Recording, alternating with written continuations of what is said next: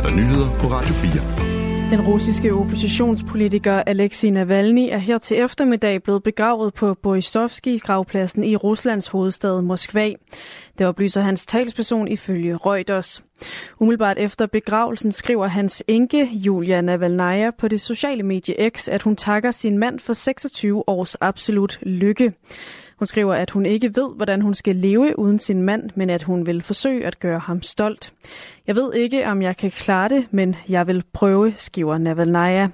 Det er uvist, hvor Julia Navalnaya befinder sig. Hun er således ikke set ved sin mands bisættelse og begravelse. Og siden Navalny's død i midten af februar har hans enke besøgt EU-parlamentet i Belgiens hovedstad Bruxelles. Hun har også deltaget i en international sikkerhedskonference i den tyske storby München.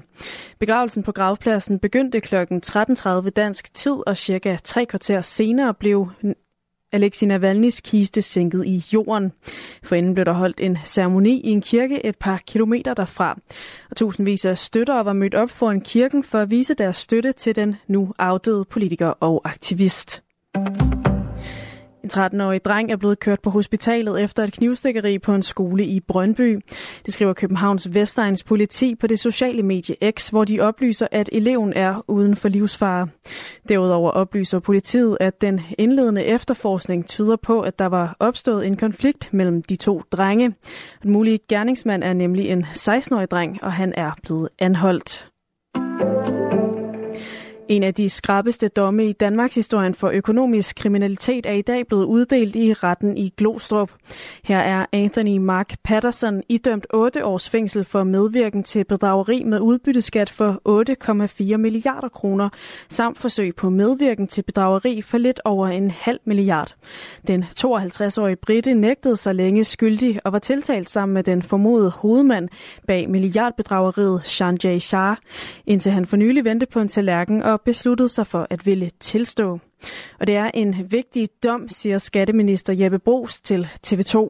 Det siger sig selv, at de her sager er enormt vigtige for at finde ud af, hvem øh, har været ansvarlig for den angivelige svindel, der, der er fundet sted, og ikke mindst jo at få pengene tilbage igen. Udover fængselsstraffen har retten konfiskeret 100 millioner kroner fra Patterson. Det er det beløb, som Anthony Mark Patterson i et retsmøde i går sagde, at han tjente på at medvirke til bedrageriet. Men ifølge skatteminister Jeppe Brugs, så tager det både lang tid og er dyrt for den danske stat at føre retssagerne. Men det giver mulighed for at få noget af det høje pengebeløb tilbage, siger Jeppe Brugs til TV2.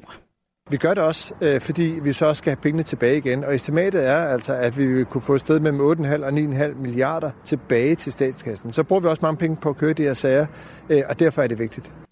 Anklagemyndigheden gik efter 8,5 års fængsel til Patterson og vil dermed sprænge den normale strafferamme på 8 år. Det kan ske i sager, hvor der efter rettens opfattelse er tale om særdeles skærpende omstændigheder, og retssagen mod hans med, mod Sanjay Shah begynder den 11. marts. Det var aldrig Danish Crowns hensigt at vildlede forbrugerne. Sådan lyder det fra virksomheden, efter der i dag er faldet dom i en meget omtalt retssag mod Danish Crown om vildledende markedsføring. Svinekødspakker blev tilbage i 2020 udstyret med markatet klimakontrolleret gris. Det skete uden at der var styr på dokumentationen, slog Vestre Landsret i dag fast. Dommen ærger pressechef i Danish Crown Jens Hansen det så klart, at vi var for ivrige i forhold til at komme ud og fortælle om vores klimaprogram der tilbage i, i 2020. Og, øh, og det ærger vi os øh, selvfølgelig, øh, selvfølgelig over. Det har aldrig været vores hensigt at, at vildlede forbrugerne. Danish Crown havde i 2020 iværksat et bæredygtighedsprogram, som svineproducenterne kunne tilmelde sig.